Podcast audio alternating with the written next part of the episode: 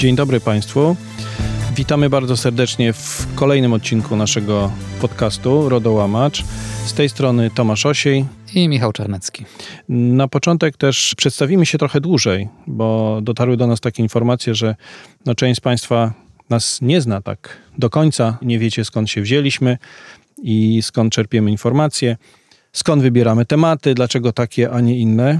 My jako Omnimodo, bo podcast jest firmowany przez spółkę Omnimodo, która zajmuje się ochroną danych osobowych i prawem do prywatności, takim szeroko rozumianym. No i dodatkowo też wspomnimy o tym, że do nas należy portal gdpr.pl, do którego będziemy odsyłać a propos materiałów różnych, o których będziemy mówić. No i też zachęcamy, ale myślę, że o tym powiemy trochę później. Tak, dzisiaj chcieliśmy się skupić na temacie, który już się przewijał przez nasz podcast, a mianowicie sygnalistów. Mamy bowiem kolejną wersję ustawy. Ona jest troszeczkę tak jak moda na sukces. Znaczy, można ominąć kilka do kilkuset odcinków i główna oś fabularna się nie zmienia, ale pewni bohaterowie od czasu do czasu giną w niewyjaśnionych okolicznościach. Tak, z tą zmianą, dlatego, dlatego trochę wróciliśmy do tematu, bo te zmiany są, a jakby ich nie było, a jednocześnie one są dosyć istotne. Chociaż wydaje się, że, że to jest kosmetyka, a wcale nie jest. Ale może zacznijmy trochę od przypomnienia historii, bo sygnaliści już mają swoją dosyć długą historię. Pierwszy projekt, październik 2021, czyli mamy prawie dwa lata. Do 17 grudnia 2021 był obowiązek wdrożenia dyrektywy czyli przełożenia jej na ustawę, co się nie wydarzyło, jak wiemy. No i w tej chwili mamy na stronie Rządowego Centrum Legislacji pojawiła się kolejna wersja projektu ustawy. Nie liczymy już, która, bo powiem szczerze, się pogubiliśmy, no ale myślę, że niedługo dojdzie do dziesięciu, więc trudno się w tym połapać w sumie. No i tak czytając ten projekt, Tomaszu, jak obiektywnie oceniasz? To znaczy jest źle czy gorzej? Jest inaczej. Czasem lepiej, czasem gorzej. Żeby nie powiedzieć czasem słońce, czasem deszcz. Ale są pewne elementy, na które chcieliśmy zwrócić uwagę, bo pomyśleliśmy na początku, że nie będziemy mówić o tym, dopóki ten projekt rzeczywiście nie nabierze rumieńców i nie będzie tak, że to jest ten właściwy. Natomiast pojawiło się kilka rzeczy. Po pierwsze, chyba kwestia anonimowości bo to jest coś, co jest ukryte między wierszami. Ta anonimowość w poprzednich projektach, tym pierwszym przede wszystkim, w kolejnych i w dyrektywie, no miała taki duży punkt ciężkości. Tu położono na tą anonimowość, bo to jest ważny element i ważna gwarancja bezpieczeństwa dla tych, którzy zgłaszają. No i teraz co jest w projekcie? W projekcie, na taki sposób troszeczkę niewinny, ta anonimowość została zepchnięta na dalszy plan. To znaczy, nie zabroniono anonimowości, no bo trudno jest zabronić, bo to jest najlepsza forma informowania o nieprawidłowościach, ale jednocześnie nie jest to coś, co wydaje się, że ustawodawca w stosunku do pracodawcy, czy w ogóle do podmiotu, który by przyjmował te zgłoszenia, by to jakoś szczególnie preferował. Więc ona zniknęła w paru miejscach. Przede wszystkim zniknęła z dokumentacji wewnętrznej, z procedur wewnętrznych. Nie pisze się o niej, Czasami się o niej wspomina, że ona istnieje, no, co naszym zdaniem no, efekt może być bardzo prosty. Znaczy, jeśli nie ma anonimowości, to będziemy się zastanawiać bardzo długo, czy zgłaszać. Zresztą tych znaków zapytania pod tytułem, czy zgłaszać, będzie trochę więcej. Zaraz też o tym powiemy, bo jeszcze jest jeden bardzo ważny element związany z takim, taką gwarancją zgłaszania. Mhm. Ale, ale zanim o nim powiemy, to też możemy wspomnieć, że wcześniej krytycy zarzucali brak uwzględnienia wśród tych przedmiotów skarg no, łamania przepisów prawa pracy i kwestii BHP i to się w, nadal w tym projekcie nie znalazło, jak również duży jest nacisk na to, że to, co musi zgłaszać sygnalista, no takim wymogiem jest ten interes publiczny, więc nawet jeżeli ta cała organizacja się na niego uweźmie i będzie go nienawidzić na wszystkich tych wspomnianych aspektach, to jeżeli nie ma tego szerszego interesu publicznego, to on tego zgłosić w tym trybie nie za bardzo może. Ten interes publiczny został wyciągnięty przed nawias i stał się takim wiodącym elementem, czy jak nie ma interesu publicznego, to w ogóle nas nie, nie interesują jakiekolwiek naruszenia. Dodatkowo to, o czym wspomniałeś, to zaświadczenie, zaraz do tego wrócimy, o tym powiemy, Bo to jest chyba taki element, który najbardziej zaniepokoił prawników, ale też myślę, że praktyków, którzy wiedzą, że bez gwarancji bezpieczeństwa to może wyglądać słabo. I teraz o co chodzi z interesem?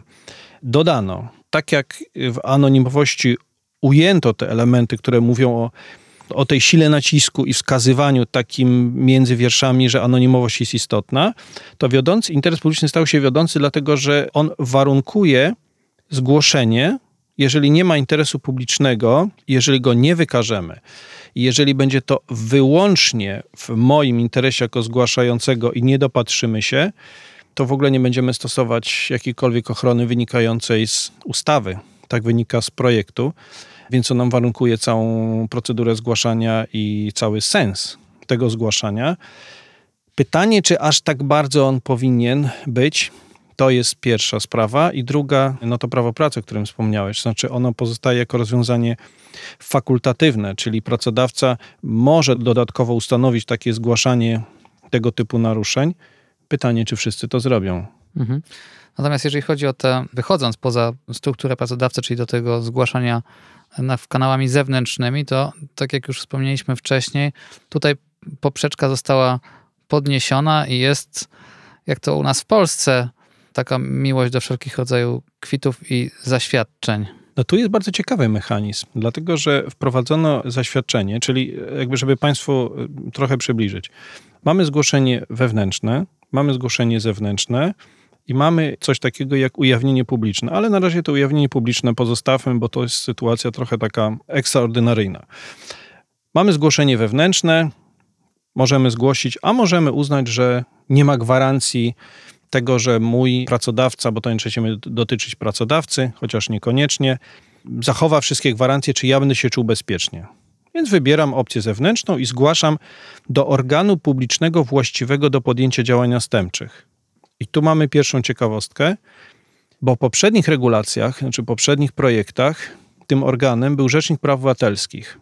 I teraz ktoś padł na pomysł, żeby zastąpić rzecznika Państwową Inspekcją Pracy. A dlaczego nie Ministerstwem Sportu albo Ministrem Skarbu Państwa?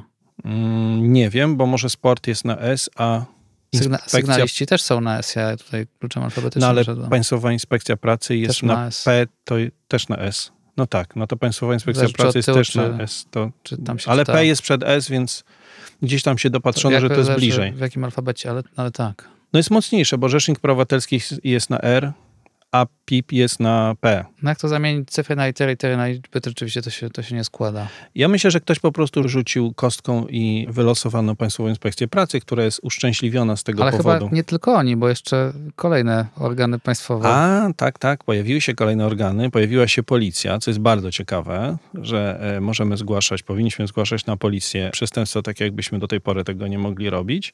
No i pojawiła się też prokuratura. Tam gdzieś w tak zwanych kuluarach pojawiało się Ministerstwo Sprawiedliwości, ale w projekcie o tym nie ma mowy, ale... No okej, okay, dobra, no mam coś, coś się wydarzyło w firmie, widzę, że źle się dzieje, idę do tego organu i, i chcę zgłosić. I co oni muszą mi wystawić? No dobrze, i teraz, i teraz zanim zgłosisz, to jest pytanie, czy wiesz do kogo zgłosić, bo jak masz... No podejrzewam, że, że nie będę wiedział. Myślę, że na pewno, bo jak od ochrony środowiska masz mniej więcej 788 instytucji, które chronią, wszystkie robią to dobrze, to nie będziesz wiedział, do jakiego Wosia, Bosia czy innego zgłosić. Dlatego właśnie chciałem Ministerstwo Sportu, bo wszystkie sporty są w jednym ministerstwie. No tak, bo jakbyś wygrał Boś, to byś wybrał bank. No to bank mówi, co ja mam wspólnego ze środowiskiem. Tyle, że nie zanieczyszczam, bo elektronicznie rozliczam. No to wybierasz jedną z tych instytucji, po prostu siadasz i mówisz numer 27, zgłaszasz. No i ta instytucja mówi tak, nie, ja jestem niewłaściwy. Albo ty przedtem masz taką refleksję, mówisz, wybieram inspekcję pracy. Skoro ona jest w centrum, postawiona, to Czyli wybierasz. jak nie wiem, to idę do inspekcji pracy i ona musi wiedzieć. Powinna, chyba. Powinna, była, może. była, może wiedzieć, tak. No i ta inspekcja pracy będzie dla nas, z naszego punktu widzenia, tym organem publicznym właściwym do podjęcia działań następczych, tak się to nazywa. I ona bada twoje zgłoszenie i ona musi stwierdzić dwie rzeczy. Po pierwsze, że jest prawdopodobne wystąpienie naruszenia prawa, czyli ty musisz, żeby taki dokument uzyskać, czy musisz udowodnić, uprawdopodobnić, nie udowodnić, uprawdopodobnić, że nastąpi naruszenie prawa. No i też e, kolejna rzecz, to pojawi nam się ten interes. Jeżeli tego nie ma, To oni cię nie obejmują ochroną. Okej, okay, czyli widzę na przykład, że w mojej organizacji, nie wiem, palą publiczne certyfikaty i muszę mieć na to jakiś papier albo świadka, albo nagranie, muszę to jakoś uprawdopodobnić, bo inaczej nie dostanę tego zaświadczenia. Tak, to oni powiedzą na przykład, że to, że widziałeś i zgłosiłeś, służy wyłącznie twojemu interesowi, nie ma tu interesu publicznego. Okej. Okay.